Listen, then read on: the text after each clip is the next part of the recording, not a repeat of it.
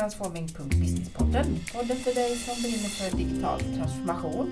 Den här podden levereras av Bybrick Management och jag heter Jessica Laus och jag är sälj och marknadsansvarig på Bybrick Management.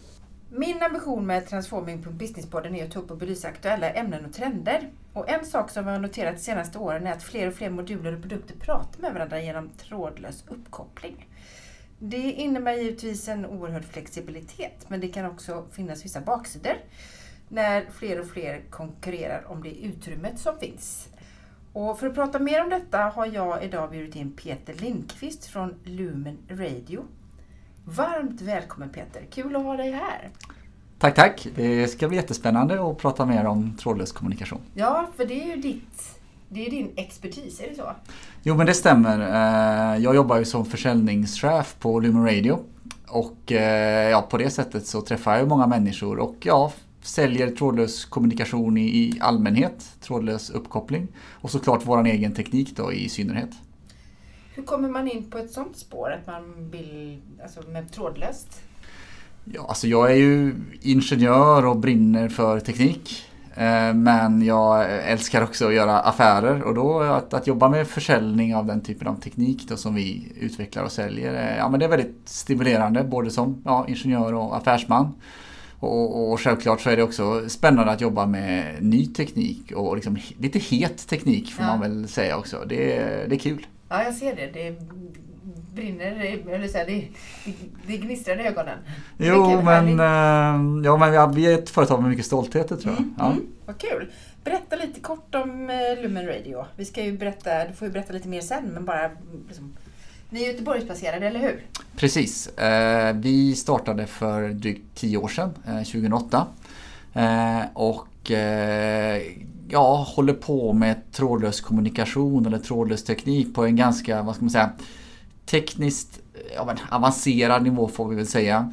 Vi gör inte produkter, men vi gör teknik som så att säga, byggs in i produkter. Och därmed så är vi ganska okända, men eh, vi tror att vår teknik gör väldigt mycket nytta i andras produkter helt mm. enkelt. Eh, och eh, ja, anledningen till att vi heter Lumen Radio är också att vi började en gång eh, inom belysningsbranschen. Det var där allting tog sin början och framförallt då proffsbelysningsbranschen. Alltså den typen av lampor får vi väl säga lite slarvigt då som man ser vid en konsert eller på en teater eller vid en filminspelning eller en ja, tv-inspelning. Som då man belyser eh, scenen och aktörerna och eh, artisterna helt enkelt. Ja, det är därför jag har hört att ni är kända i Hollywood. Jo, men det stämmer. Eh, vi, vi, vi är faktiskt ett namn i Hollywood, även om det är en väldigt liten det pöl. Coolt, ja, det är lite coolt och det är vi stolta över och det använder vi oss också av i vår marknadsföring såklart. Men jag menar, en Hollywoodproduktion, det är ju väldigt dyrt. Det, det, handlar liksom inte om liv och död men däremot så är det väldigt mycket pengar och prestige på spel. Och eh, så där är det här med tillförlitlighet och att saker och ting verkligen funkar när man behöver dem. Mm. Eh, viktigt. Och, och, det är just, kan man säga, tillförlitlighet är ju vårat eh, signum. Det är det som vi är mest kända för och det vi liksom säljer på mest. Att, att våran teknik ska fungera. Styrningen ska funka när man verkligen behöver den. Jag förstår. Jag tänker att då är ni någon form av underleverantör till en större lösning. Mm. Eh, bara för att förtydliga exakt vad man kan använda tekniken till. Jag har förstått att ni jobbar till exempel i fastighetsbranschen. Kan inte du ge något exempel på så lyssnarna förstår, och även jag, vad, mm. vad innebär det att lägga er produkt i en annan produkt? Jo men eh, tar vi kan man säga moderna kommersiella fastigheter, ja men som ett kontor eh, mm. idag.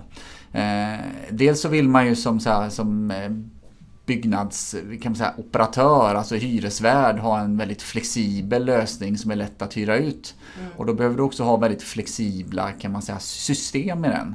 Det kan vara alltså det som styr inomhusklimatet eller eh, accesskontrollen, det vill säga vem som kommer in och ut ur byggnaden. Det ska vara enkelt att ändra och det ska vara liksom flexibelt. Det, allt måste ju vara jätteflexibelt idag. Det är ju viktigt för oss idag. Eh, och där adderar ju trådlös teknik mycket värde på det sättet att eh, bygger man om ett kontor då är det enkelt att bara sätta upp en vägg och göra om.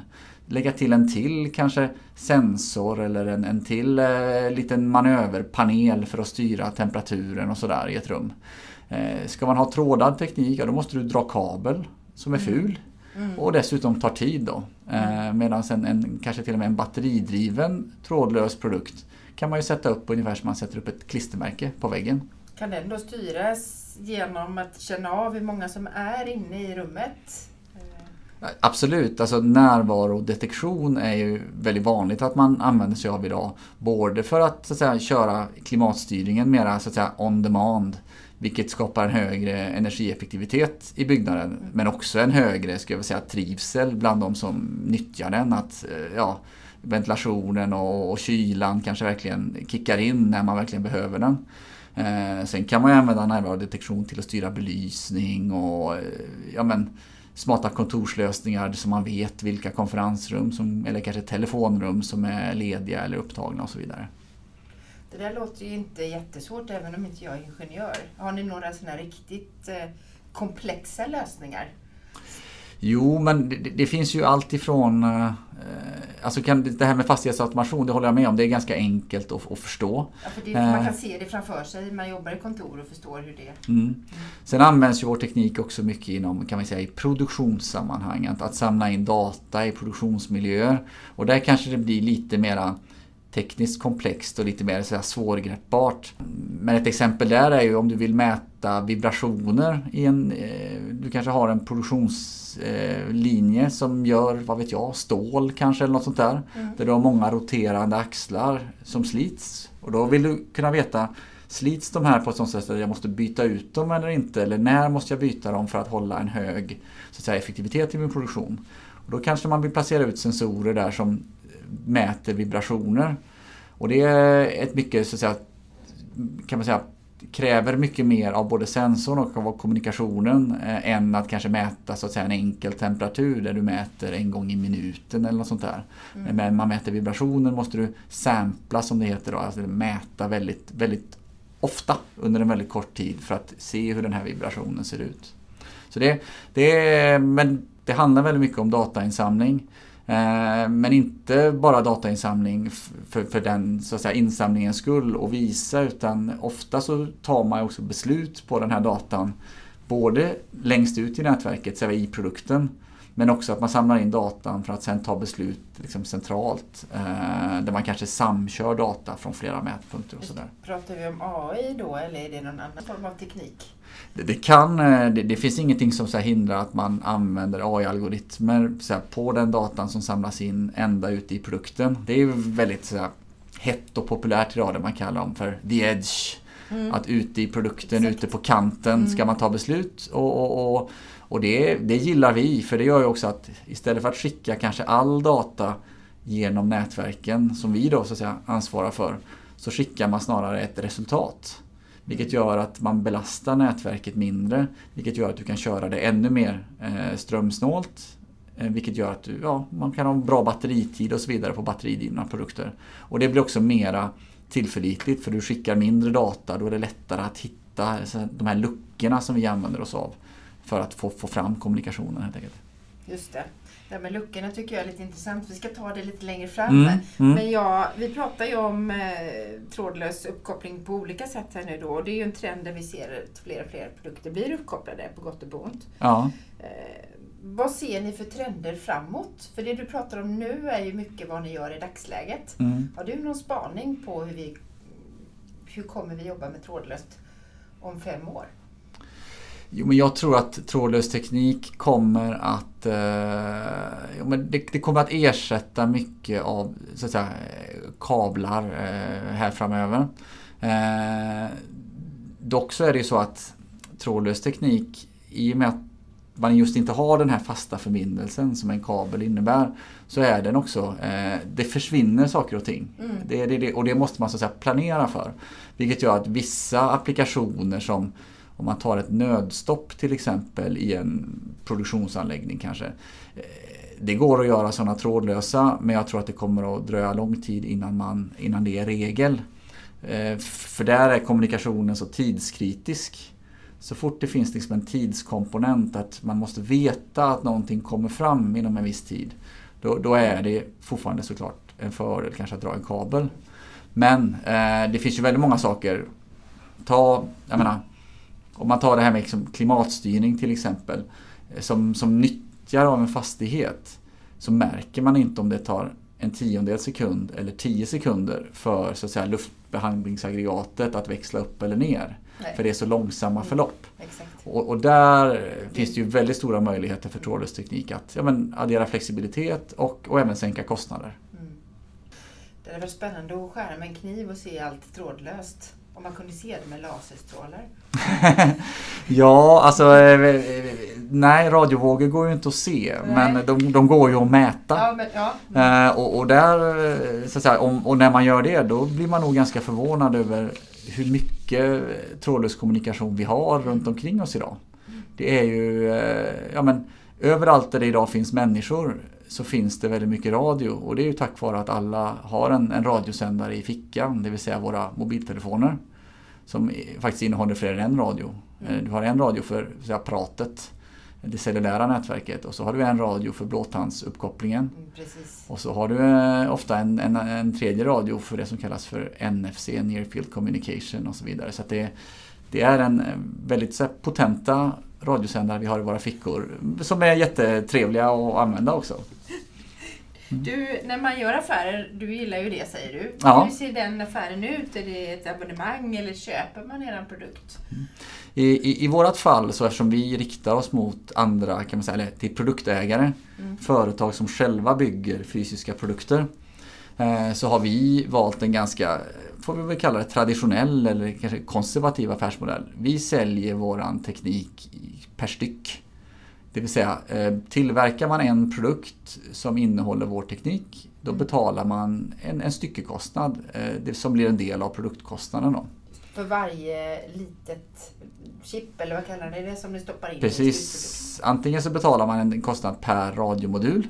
Eh, en liten hårdvara då som innehåller vår teknik. Eller om man väljer att bara licensiera vår eh, inbäddade mjukvara eh, så betalar man också per styck. Och visst, vi har väl funderingar på borde vi så att säga tjänstifiera vårt erbjudande. Det är ju väldigt populärt. Det var det jag var ute efter, Ja. för att se att betalar man någonting för hur snabbt det går eller så. Men, I, I dagsläget gör, gör man inte det men där följer ju vi våra kunder och där, där ser man ju såklart att de börjar ju själva prata om kan man sälja ventilation as a service. precis. Och det är klart man kan göra det men det är ingen som gör det än. Alltid 20 grader. Ja. Alltid, ja. Precis, liksom lågt grad av koldioxid, eh, rätt temperatur, frisk luft, eh, låg Det hade varit luftfuktighet. underbart. Ja. Det finns inte ett konferensrum som håller det på, över tid faktiskt. Nej, nej det, det är ju en utmaning, det har man ju märkt.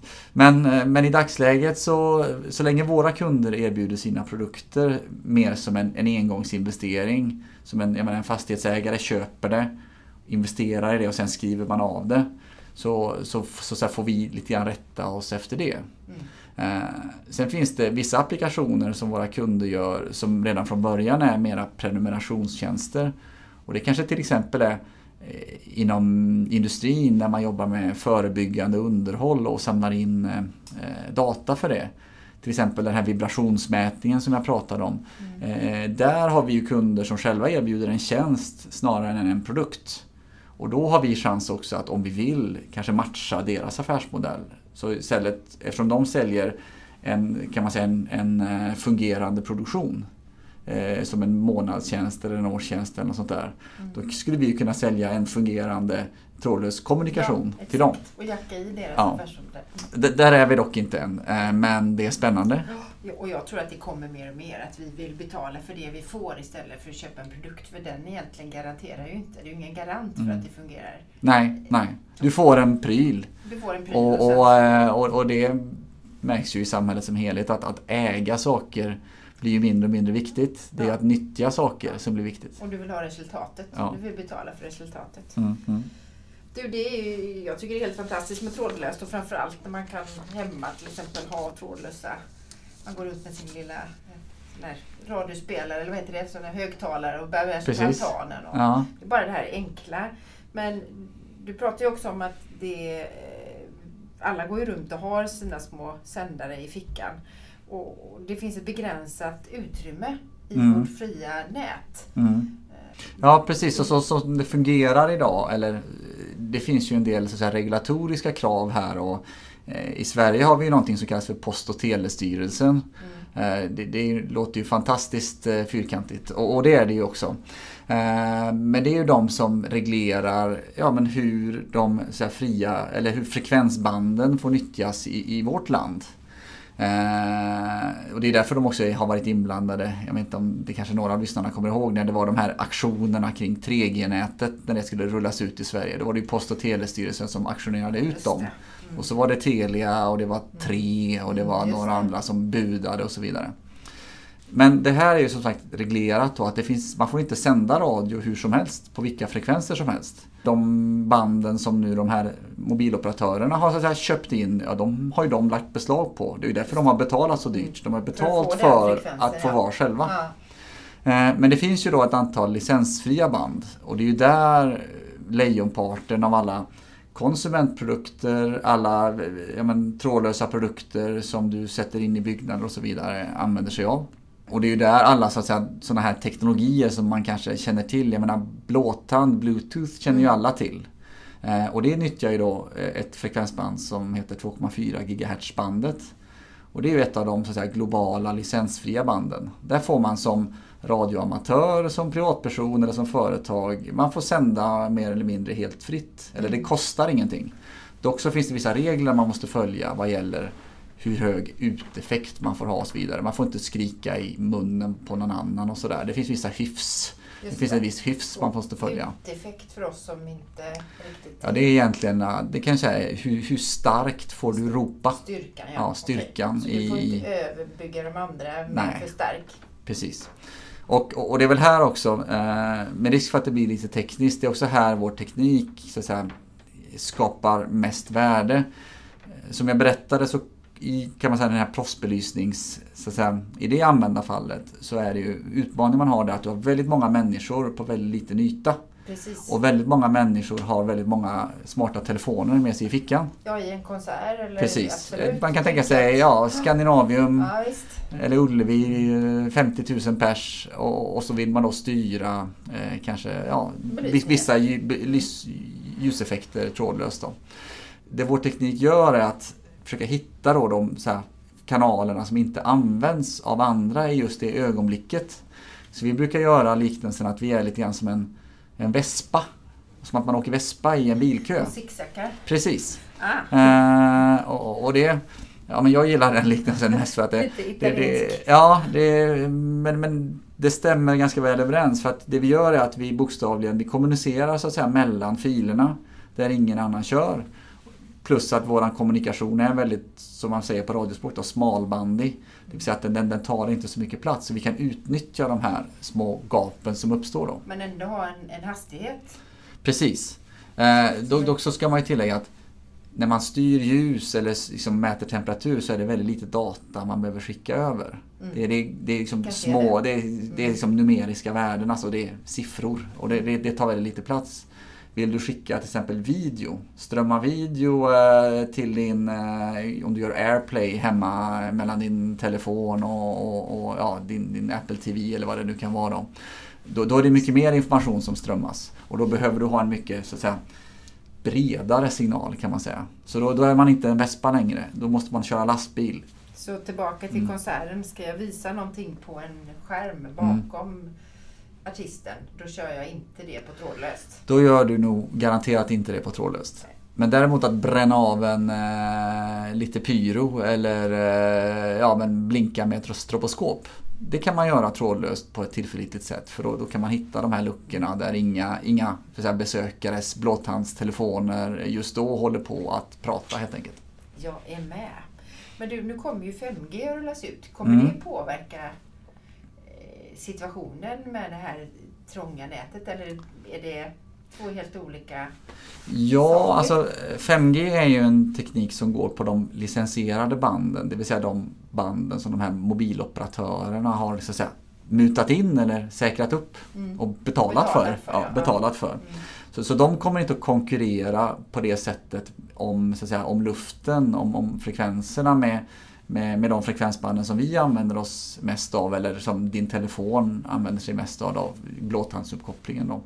Eh, däremot så 5G är intressant för oss eftersom det är ja, det är på sätt och vis en konkurrent. Eh, det är ju en teknik som har skapats jo, för att kunna erbjuda väldigt snabba uppkopplingar men också väldigt så att säga ja, men för att kunna byggas in i produkter och, och skapa IoT-lösningar helt enkelt. Det är ju det är inte en, en, en, samtalslösning i första hand utan i första hand en, en, så att säga, en IoT-lösning. Dock så ser väl jag där att liksom, användarfallen man riktar sig mot där det är ju kanske i första hand förarlösa fordon. Eh, där det är väldigt viktigt med att det måste gå fort. Ja. Men att man däremot, alltså beslut måste tas väldigt snabbt. Ja.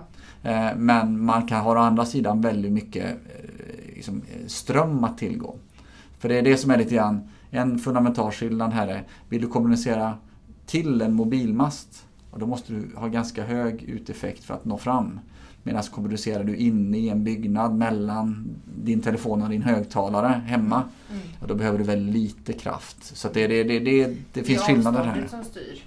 Avståndet är en eh, parameter. Hur, där liksom kanske 5G, om man tar 5G och blåtand som två extremer lite grann då. Blåtand är ju väldigt kort räckvidd men väldigt liksom energieffektivt. Vilket gör att du kan köra länge på batteri och sådär. Ditt, ditt headset eller din högtalare eller vad det nu kan vara.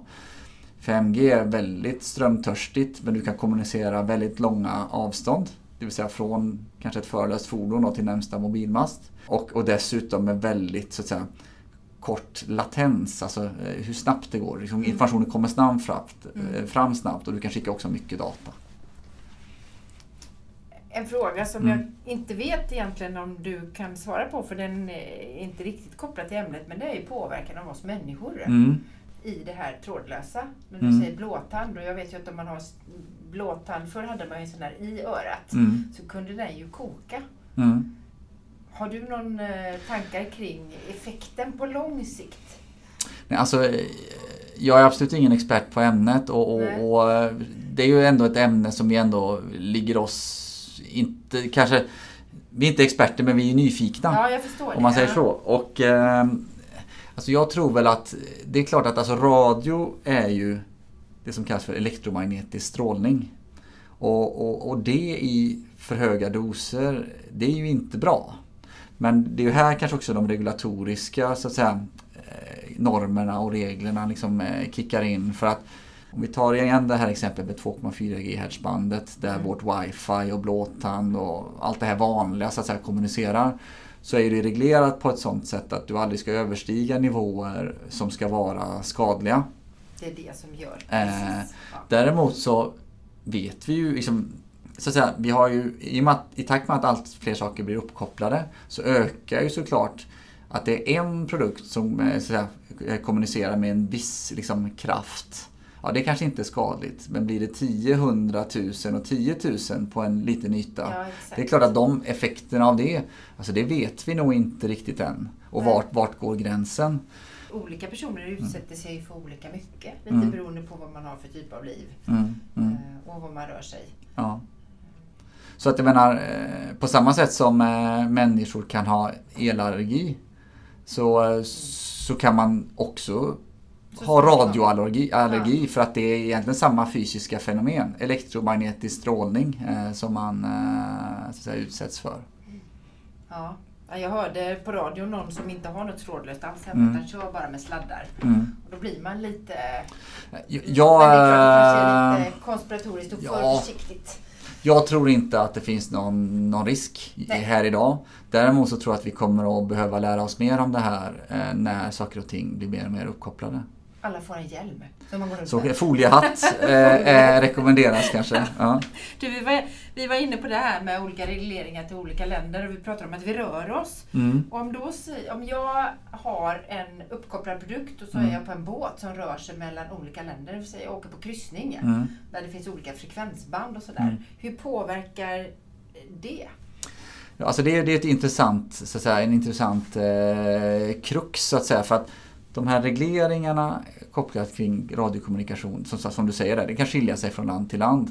Mm. Eh, är det en blåtandspryl, då har ju den fördelen att det här igen då 2,4 GHz bandet som jag tjatar om lite grann. Det är ju globalt olicensierat. Mm. Så det kan man använda det överallt. Det är samma mm. överallt. Mm. Så det, det är väldigt bra.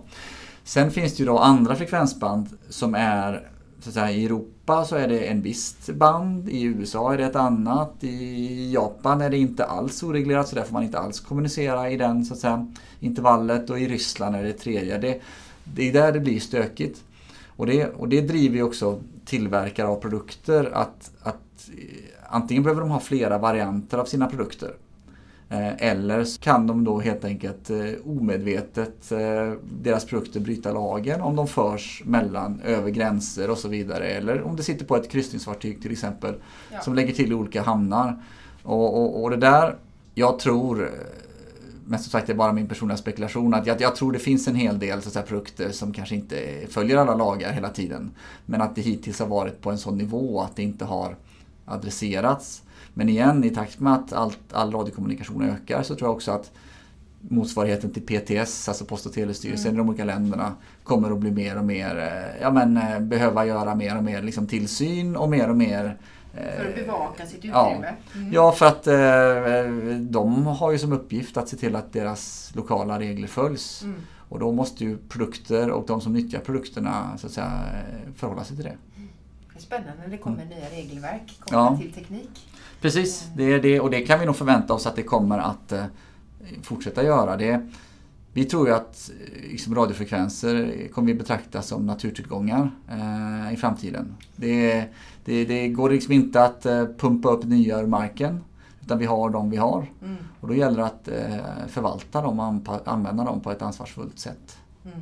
Så våra, våra barn och deras barn kommer ha en helt annan syn på jag tror att de, kommer ju, de, de föds ju uppkopplade och trådlösa idag så att eh, jag tror att eh, delar av samhället som verkligen intresserar sig av den här typen av teknik kommer att tänka väldigt annorlunda eh, än vad vi gjorde förr i tiden.